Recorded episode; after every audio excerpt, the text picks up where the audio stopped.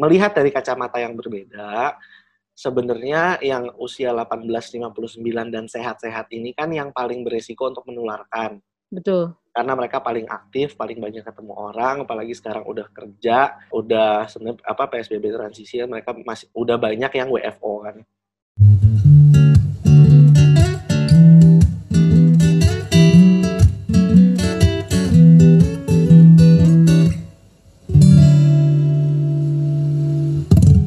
Relatif Perspektif Podcast adalah podcast yang bertujuan menjadi jembatan agar masyarakat luas paham akan isu kesehatan. Visi kami supaya kesehatan tidak lagi eksklusif hanya dibicarakan mereka yang menggeluti profesi sebagai tenaga medis saja. Episode baru akan terbit setiap hari Minggu. Temukan kita lebih jauh di Instagram at relatif.perspektif. Perkenalkan, saya Dr. Sheila Putri Sundawa, klinisi dan pemerhati isu kesehatan masyarakat yang akan memandu jalannya podcast ini. Dengarkan sampai selesai karena di setiap akhir episode ada rekomendasi film dan buku dari kami. Hai, ketemu lagi di Relatif Perspektif Podcast bersama saya Dr. Sheila Putri Sundawa. Kalian nyadar nggak sih, kita tuh udah setahun ini kenal sama yang namanya virus SARS-CoV-2. Tapi sampai sekarang, penyakit yang disebabkan karena SARS-CoV itu yaitu COVID-19 masih juga belum terkendali. Bahkan akhir-akhir ini di Indonesia angka kasus barunya dan kematian hariannya itu mencetak rekor. Nah, salah satu solusi yang diproyeksikan mampu membantu kita keluar dari pandemi ini adalah vaksin. Beruntung sekali sekarang di zaman yang sudah cukup maju sehingga teknologi kedokteran bisa memungkinkan untuk mengembangkan vaksin dan proses yang lebih cepat. Nah, episode kali ini saya bergabung dengan Dr. Ahmad Nadim, founder dan CEO dari VaxCorp, perusahaan penyedia vaksin, startup vaksin di Indonesia, untuk ngobrol-ngobrol tentang vaksin COVID-19. Halo Nadim. Hai Sheila, apa kabar? Gimana Dim persiapan VaxCorp buat mempersiapkan ke vaksin COVID-19? Iya, yeah, we're uh, lagi dalam diskusi untuk mempersiapkan uh, infrastruktur pelayanannya lah, baik yang offline maupun secara dukungan teknologinya. Ah oke. Okay. Nandim, uh, kita mau ganggu waktu lo sebentar nih buat ngobrol-ngobrol seputar uh, vaksinasi yang direncanakan untuk penyakit COVID-19 nih yang nggak selesai-selesai. Yes, apa? Gimana? Boleh ya? Gue mau nanya-nanya nih. Jadi pertama pengen nanya dulu sih pengalaman dari Fast Corp sendiri sebagai penyedia vaksin selama udah memberikan pelayanan di Indonesia ini. Selama ini sebenarnya yang orang-orang kan kita biasanya kebanyakan kan maksa ya, ayo vaksin vaksin gitu. Tapi kan orang yang datang ke Corp adalah orang yang datang dengan niatnya sendiri gitu ya. Nah, kalau selama pengalaman dari Nadim dan teman-teman sendiri di Corp, cukup banyak nggak sih orang yang secara voluntary datang untuk minta divaksin gitu? Justru kita kan tidak pernah memaksa orang ya. Kalau memaksa orang di luar konsen kan.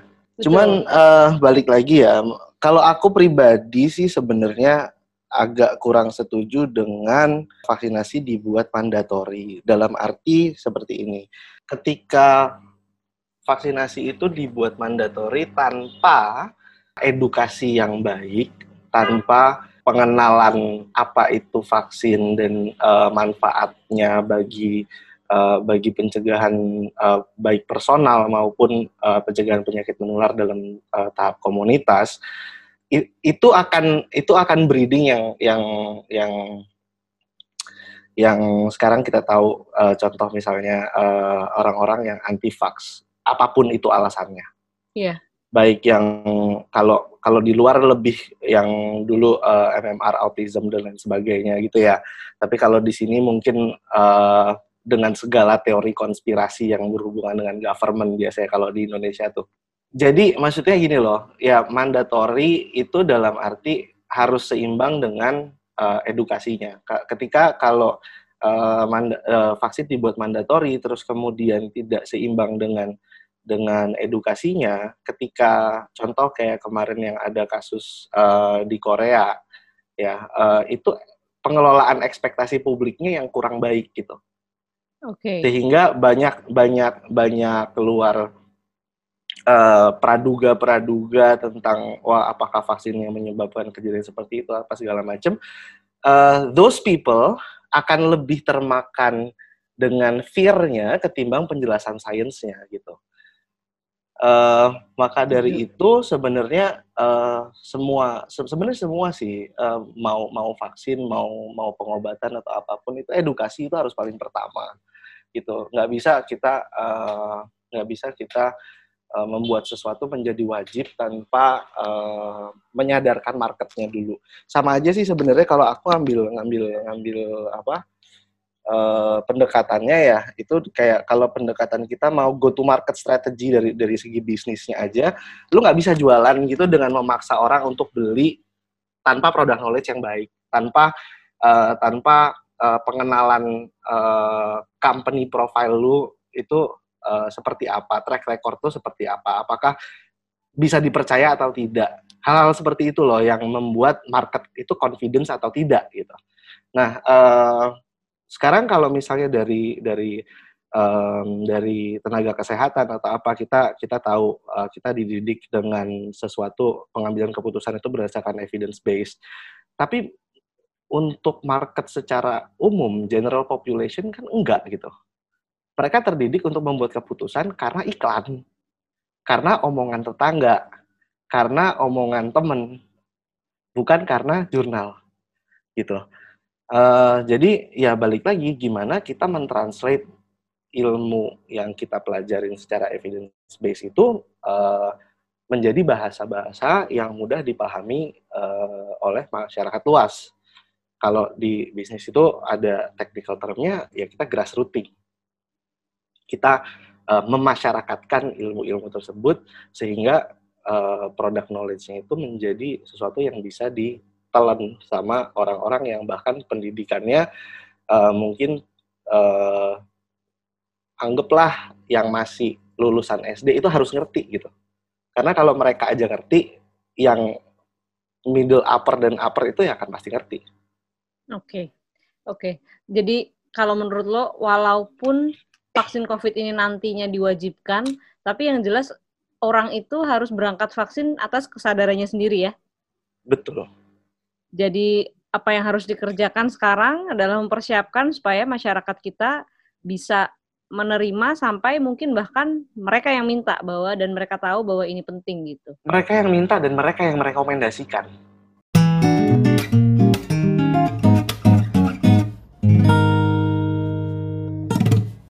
Nah, ini kan kalau di berita nih tanggal 6 Desember kemarin katanya uh, udah pada datang vaksinnya ada sampai 1,2 juta dosis dim di Indonesia katanya. Dan katanya itu kan yang dipesannya dari Beijing ya. Dan katanya nanti akan datang lagi 45 juta bahan baku yang nantinya dikirimkan ke Indonesia sampai bulan Januari 2021 ini. Sampai nah, ini kan produksi artinya, mandiri kan? Ah, uh -uh, betul.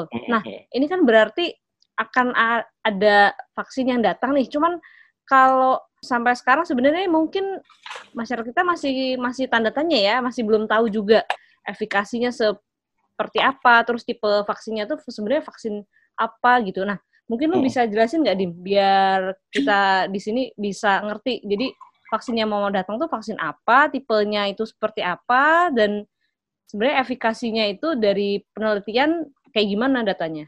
Gue akan mulai dulu dengan vaksin apanya. Kita kita boleh sebut merek nggak di sini? Enggak ya? Boleh sih, nggak apa-apa ya. Karena kalau nggak sebut merek bingung juga ya. Oke, okay. uh, eh, ya paling ini ya, yang S bintang-bintang VAC gitu kan. uh, ya, uh, itu sih kalau dari dari yang maksudnya timeline yang uh, dipublish juga sama uh, pemerintah itu kan mungkin sampai Q2 ya kayaknya, sampai Q2 2021 itu kita akan fokus dulu di yang tadi itu S bintang-bintang bintang FAC eh VAC. Di note gua itu sampai Maret 2021 baru dia doang. Nanti di dua mulai April itu ada uh, Covax sama Novavax. Nah, okay. uh, eh, ya justru uh, kalau yang yang merek itu ya itu tadi kamu nanya uh, apa tipe vaksinnya apa, dia yang inactivated.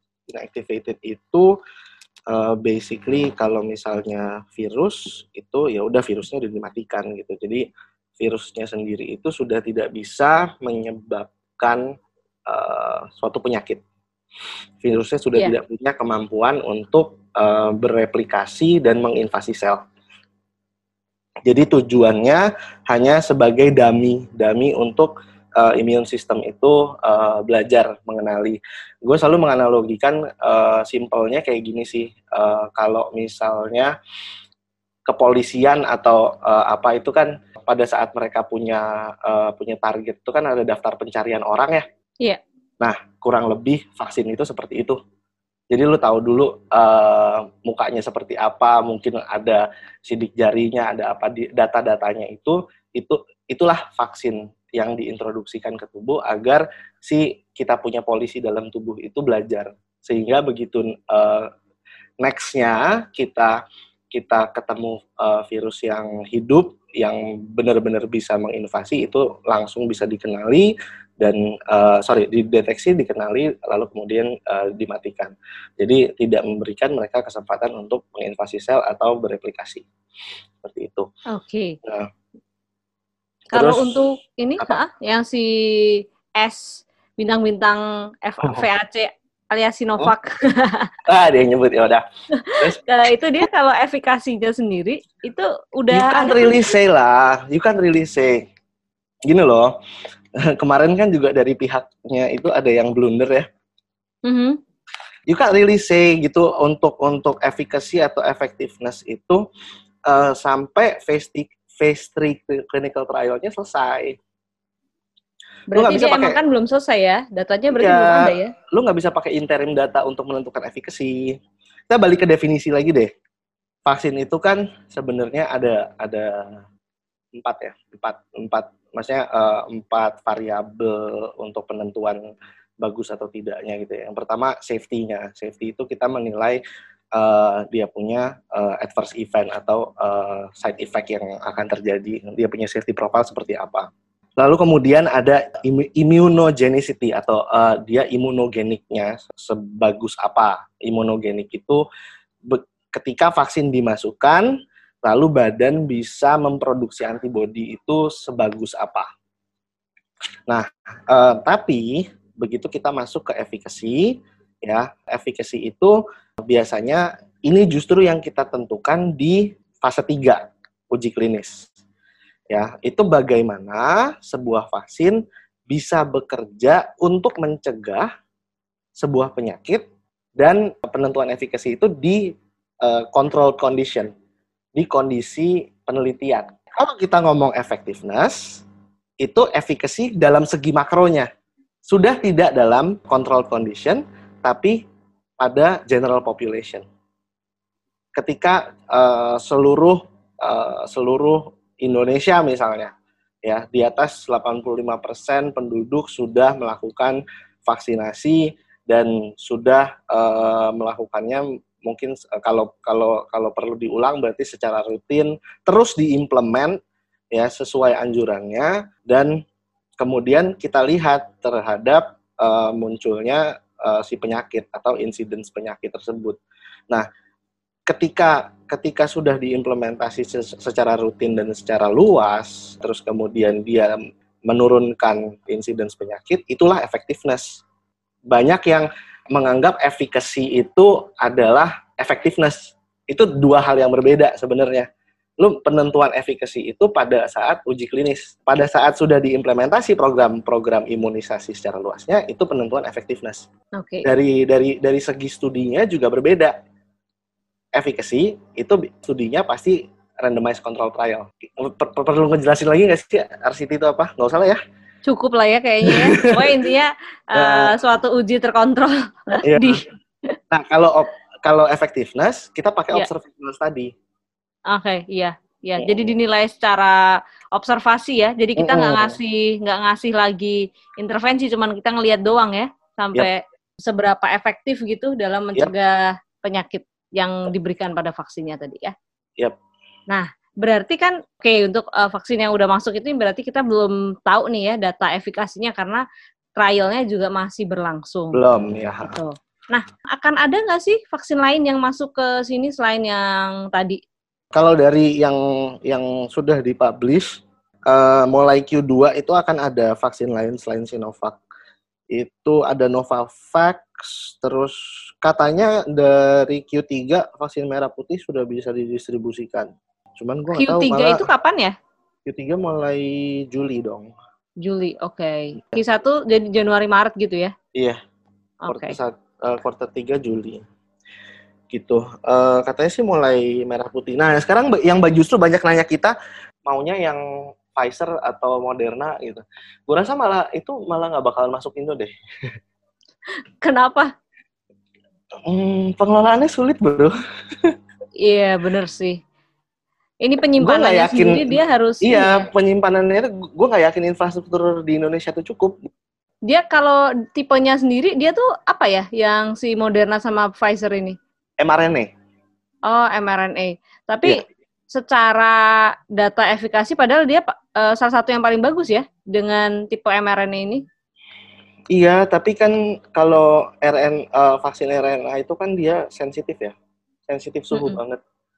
Oke. Okay. Bahkan jauh lebih sensitif suhu daripada vaksin hidup. Oh, oke. Okay. Mm -hmm. Kan yeah, kalau yeah. misalnya kayak uh, vaksin mati ini kayak yang Sinovac punya, itu kan dia nggak terlalu sensitif suhu. Iya. Yeah. Uh, jadi kalaupun misalnya uh, beberapa vaksin mati lainnya, coba misalnya influenza gitu ya, itu setelah dia keluar dari control temperature dari cold chain, itu setidaknya 12 jam dia masih viable untuk di, diberikan. Iya. Gitu. Tapi hmm. kalau misalnya kayak mRNA vaksin uh, itu suhu kayak Pfizer punya kan harus minus 70 ya. Nah, kalau Moderna punya itu minus 20. Wow. Uh, itu agak susah ya kayaknya.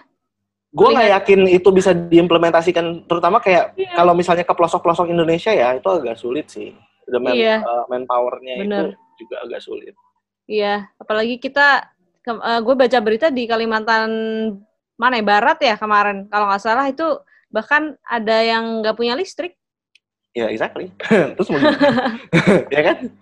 Iya, mau gimana? Betul, betul. Dan kita nggak okay. bisa, maksudnya gini loh, kayak gue sih setuju ya, maksudnya kalau dari segi ini keputusan pemerintah gue setuju banget. Setujunya kenapa? Ini kan kita nentuin prioritas ya, prioritas berdasarkan sumber daya yang ada, prioritas berdasarkan kemanjuran uh, dan potensi untuk ya menyelamatkan uh, menyelamatkan kita dari mara bahaya ini kan. Jadi hmm. kalau misalnya pemilihannya dengan inactivated vaksin, ya I can see the logic gitu sih. Buat buat aku right. sih bisa ngelihat ya logiknya. Karena hmm. maksudnya untuk untuk kita bikin bikin sumber daya penyimpanan satu itu nggak murah. Cold chain Betul. itu untuk untuk yang minus 70 itu. Terus kemudian uh, pasti ada cost untuk training vaksin storage manajernya. Terus kemudian ada training untuk dokternya juga dan lain sebagainya. Itu cost yang yang yang ekstra ekstra ekstra yang sebenarnya bisa ya yang ngapain gitu loh. Kita bisa pakai yang bisa pakai yang ini dengan sumber daya yang kita sudah punya gitu kan. Iya. betul. Gitu.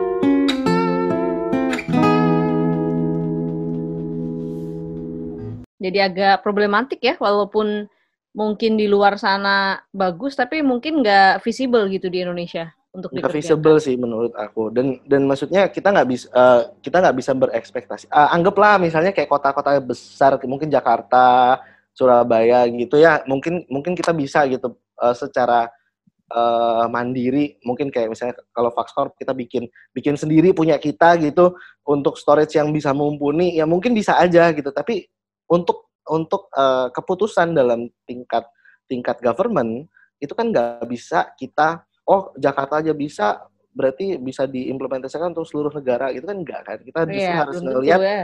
justru harus ngelihat the weakest chain kan? Betul. Gitu.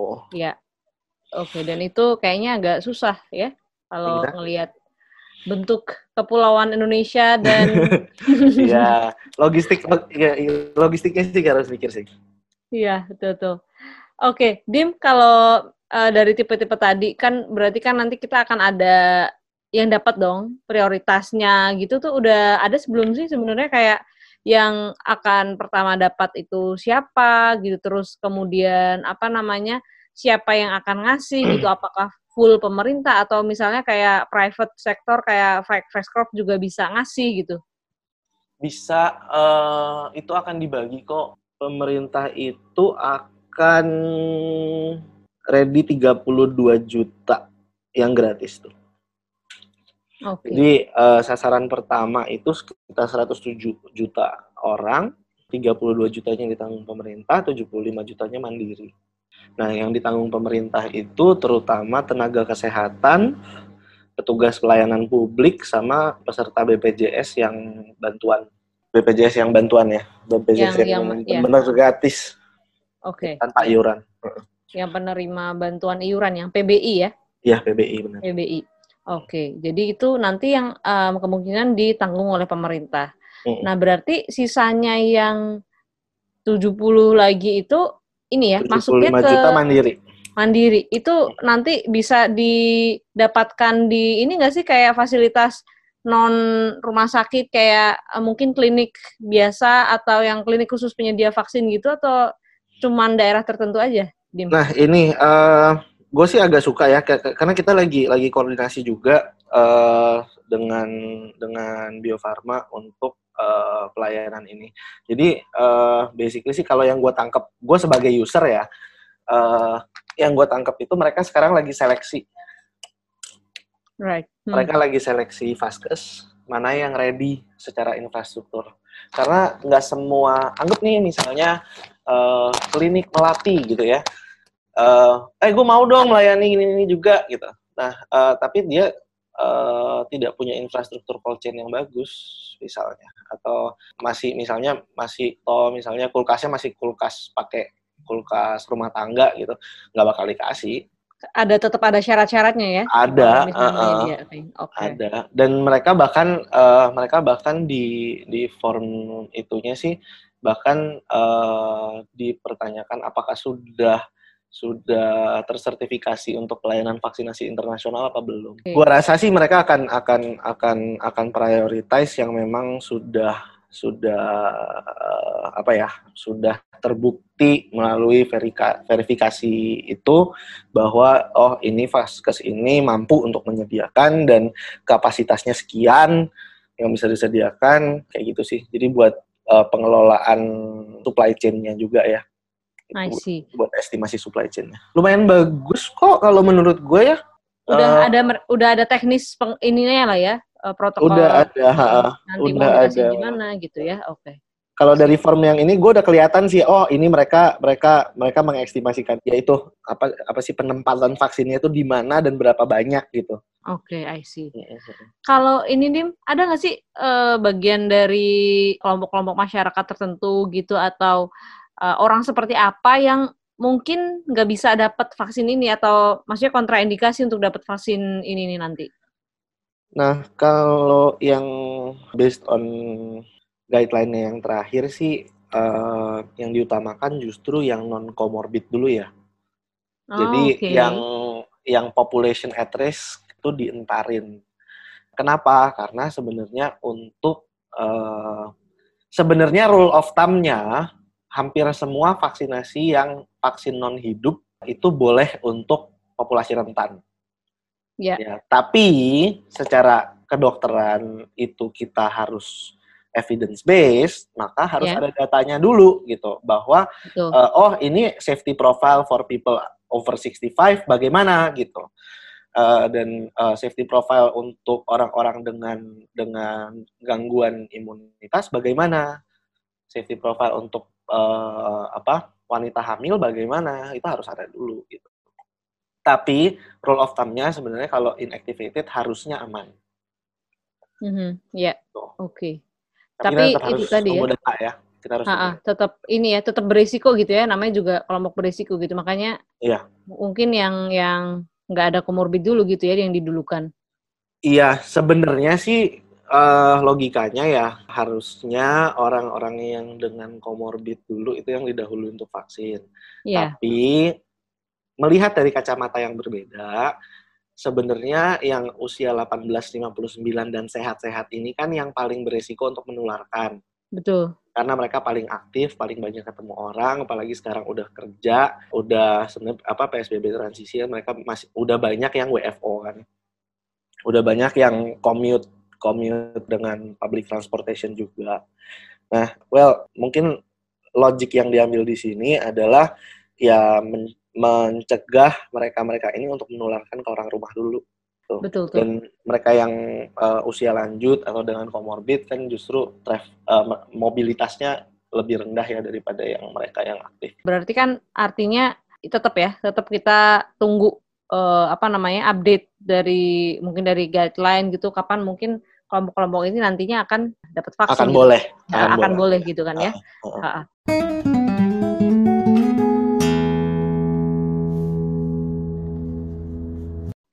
Kalau ini di uh, dosisnya sendiri itu kalau yang diproyeksikan untuk di Indonesia itu akan diberikan dosis apa jenis vaksin yang masuk ke sini itu cukup satu kali atau gimana, Dim? Dua kali. Dua kali ya. Kayaknya hampir semua vaksin yang ada itu uh, ininya dua kali deh, selang sebulan. Aku ngeliat beberapa uh, beberapa clinical trialnya itu uh, selang sebulan sih, selang empat minggu lebih tepatnya, 28 hari. Ah. Nah, nah, yang untuk Sinovac ini di phase 2 uh, fase 2 uji klinisnya itu mereka ada membandingkan uh, yang diberikan 3 mikrogram sama 6 mikrogram. Nah, terus itu Jadi, jadi... itu beda dosisnya ya. Uh, okay.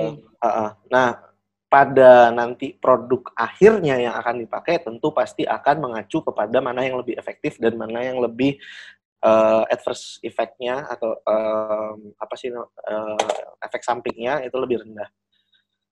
Oh, Jadi aku belum belum tahu yang akan dipakai itu akan yang 3 mikrogram atau 6 mikrogram. Ah, oke. Okay.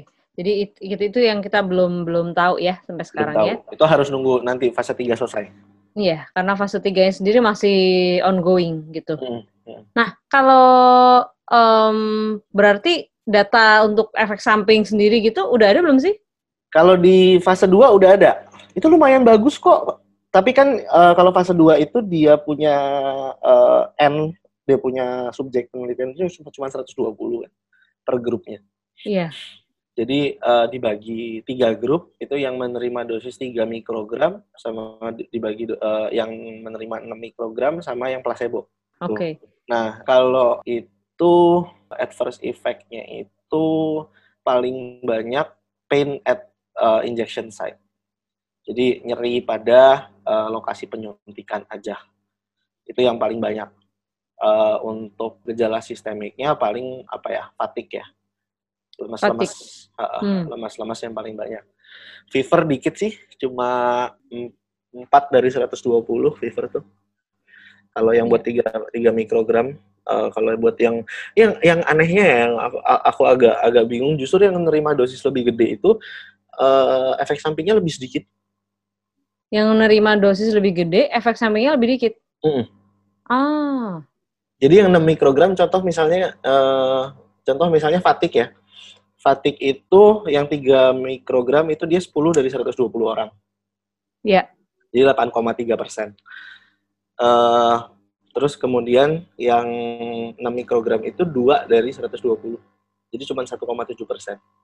Terus fevernya juga 4 dari 120 untuk 3 mikrogram, uh, eh, 3 dari 120 untuk 6 mikrogram. Hmm, Jadi yang 6 mikrogram ini lebih kecil. Tapi ini ini ini fase 2 ya.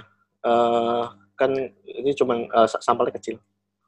Ya, kita belum punya data untuk sampel yang lebih gede ya, Dim ya? Yap, uh -uh. Dan gue nggak tahu sih uh, sekarang jadinya yang di Indonesia itu berapa berapa sih sampelnya fase 3 ya? Karena sebenarnya kalau yang kayak dari kemarin dibilang uh, 97% efficacy terus kemudian diklarifikasi itu kan uh, kalau nggak salah sampelnya baru baru dari 1.600 orang ya. Iya. Iya, uh, iya, oke. Okay. Jadi ya itu tadi ya kita mesti masih nunggu lagi ya untuk data lengkapnya. Ah, mm -hmm. um, lo sebagai orang yang sering ngasih vaksin nih uh, dengan berbagai uh, penyakit yang sebelumnya bisa dicegah dengan vaksinasi.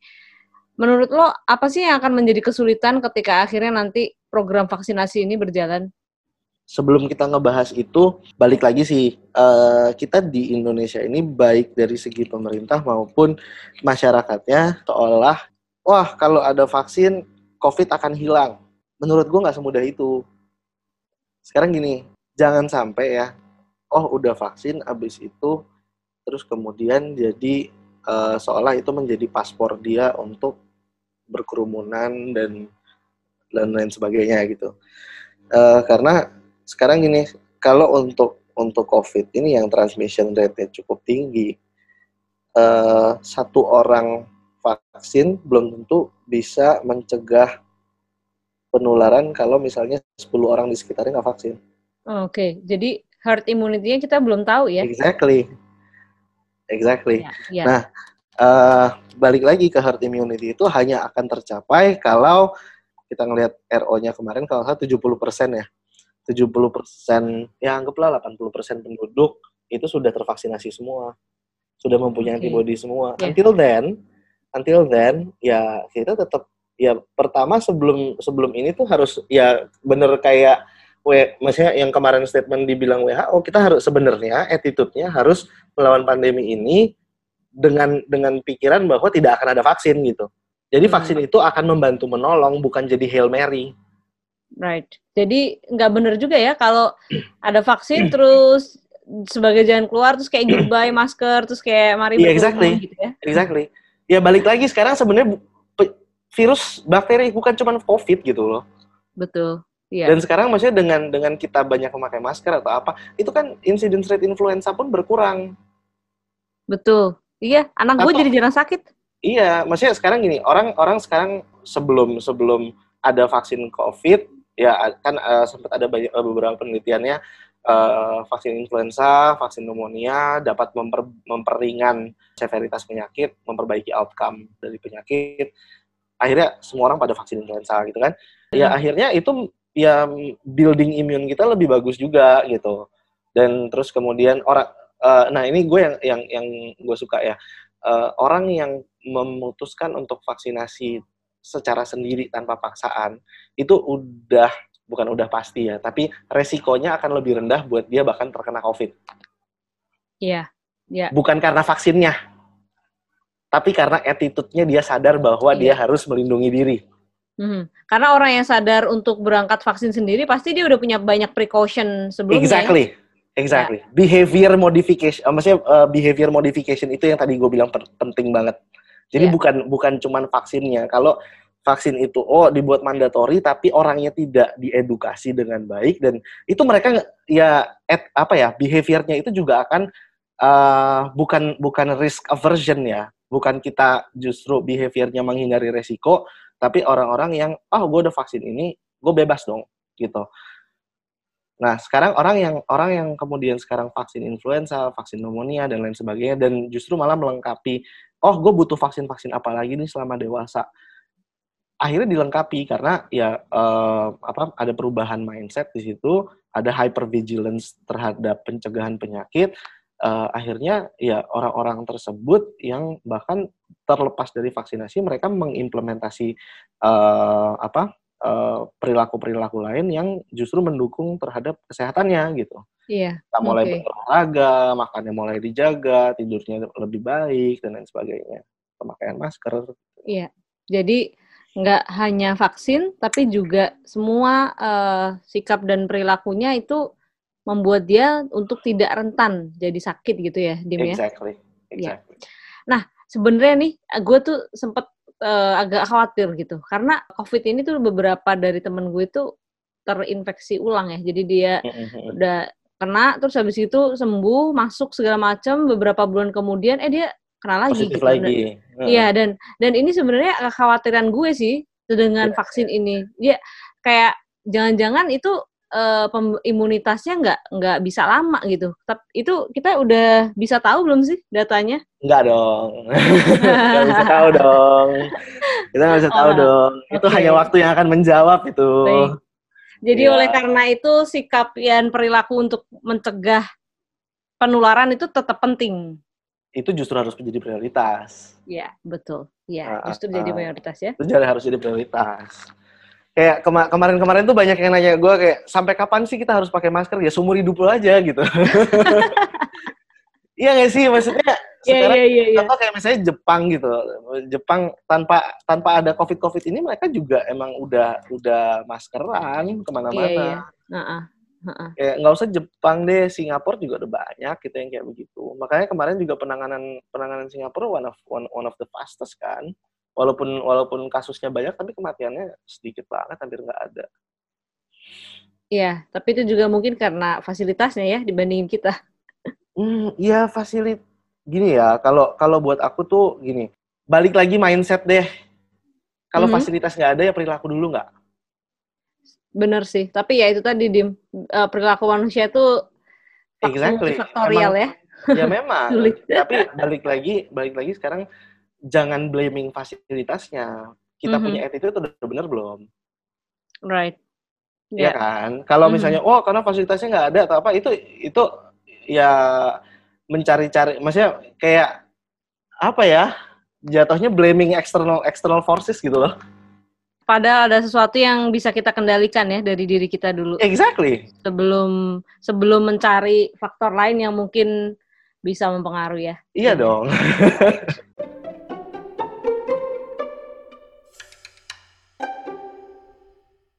Oke, Nadim, gue mau eh, beranjak ke sesi yang selanjutnya nih. Ini sesi santai sih. Tadi kan kita ngobrolin diskusi agak-agak pusing ya.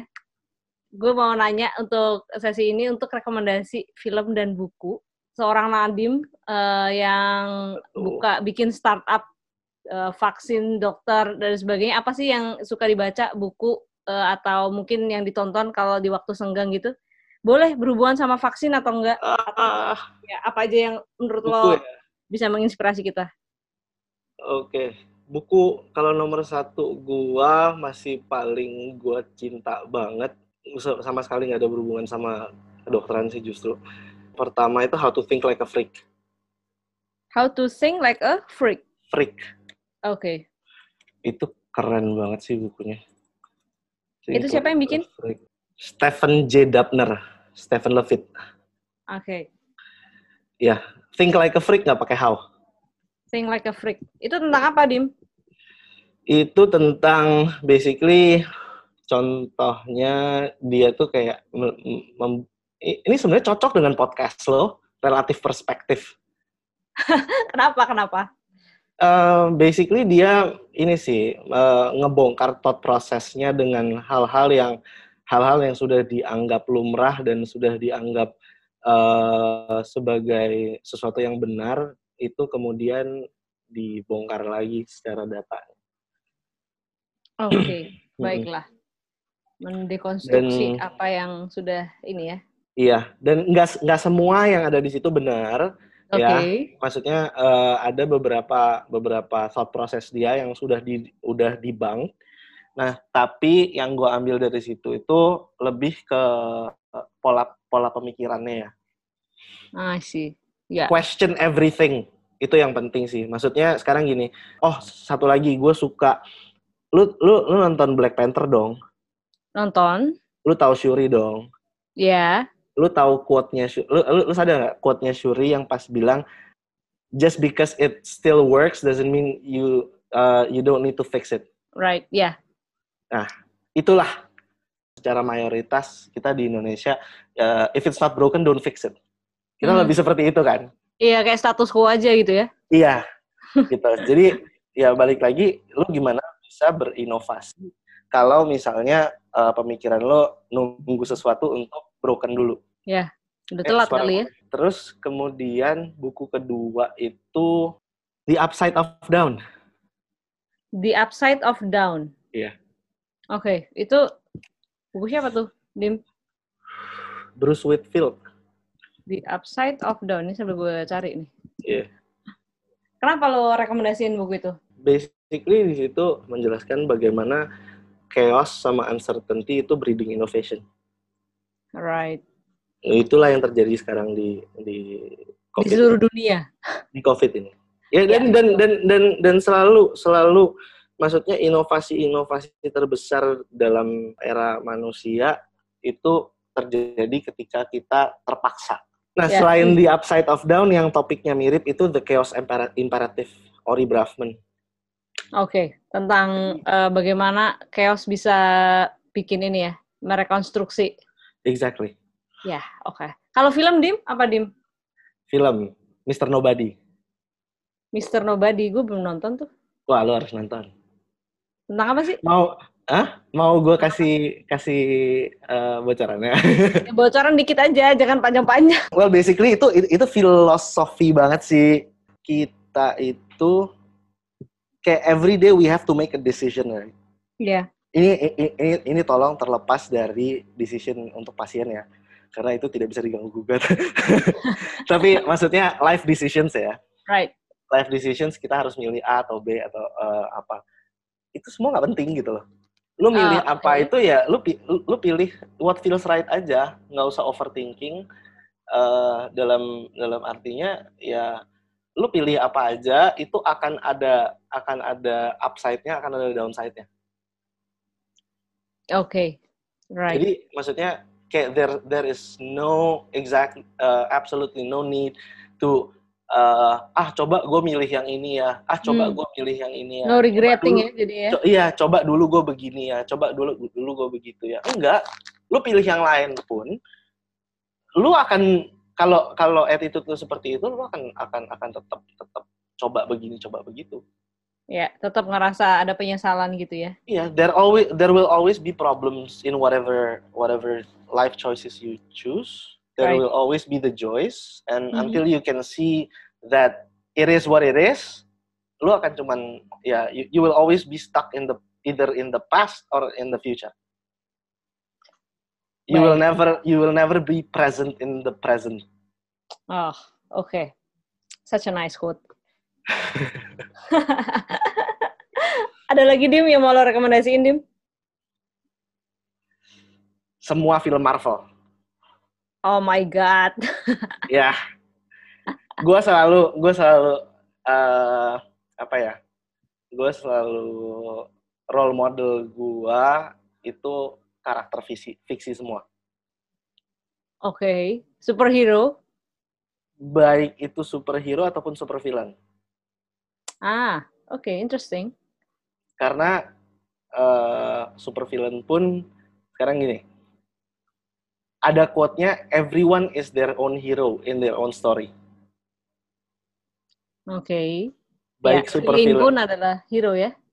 villain pun menurut mereka they're doing the right thing Mhm, mhm, Ya, nah ini balik lagi relatif perspektif perspektif dari melihat kejahatan dan kebaikan Dim. Ya, exactly.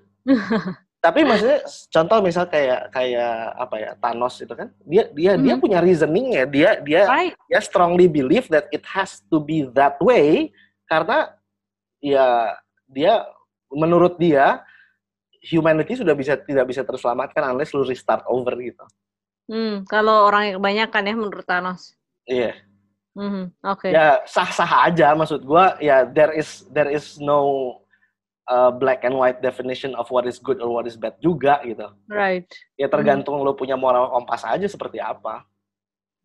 Betul. Buat, buat aku sih bukan oh oh hero selalu bener oh eh, apa namanya uh, super villain selalu yang jahat nggak juga. Mhm. Tergantung, Tergantung- dirinya di mana ngelihatnya. Iya, capture-nya dari sisi yang mana ya? Exactly. Kalau ngelihat film Joker juga kayak, eh Joker tuh orang baik sebenarnya sih, yang jahat itu adalah kehidupan di sekitar dia. Could be, tapi ya balik lagi eh, ya usahakan yang apa ya? eh, ada ada satu ini sih eh, yang gue suka ya eh, untuk penentuan moral kompas itu ada akronim namanya MAYA, Hmm, apa tuh? Most Advanced Yet Acceptable. Ah, oke. Most Jadi tetap harus acceptable di general population, di konsensus ya. Ah, interesting. Oke, Ya, akronimnya MAYA. Maya. Right. Hmm. itu gue suka sih maksudnya ya udah lu mau lu mau lu mau punya pemikiran seradikal apa pun jangan sampai konsensusnya tidak acceptable gitu aja Mhm. Oke, Nadim, udah baik banget yang kita obrolin hari ini, mulai dari vaksin sampai Filosofi. uh, menyenangkan dan membingungkan seperti film atau buku. iya. Oke, sukses buat Vax Corp. Thank you, Ke depannya. Sheila. Sukses buat podcastnya. Ya, Sukses buat PPDS-nya. Ya, amin. Semoga cepat selesai. Amin. Kapan? Kapan? Doain tahun depan sih, doain ya. Amin. Good luck ya. Thank you Oke. banget udah uh, dikasih kesempatan buat di podcast kamu. Ya, eh, terima kasih ya Nadim udah meluangkan waktu. Thank you, Sheila. Bye.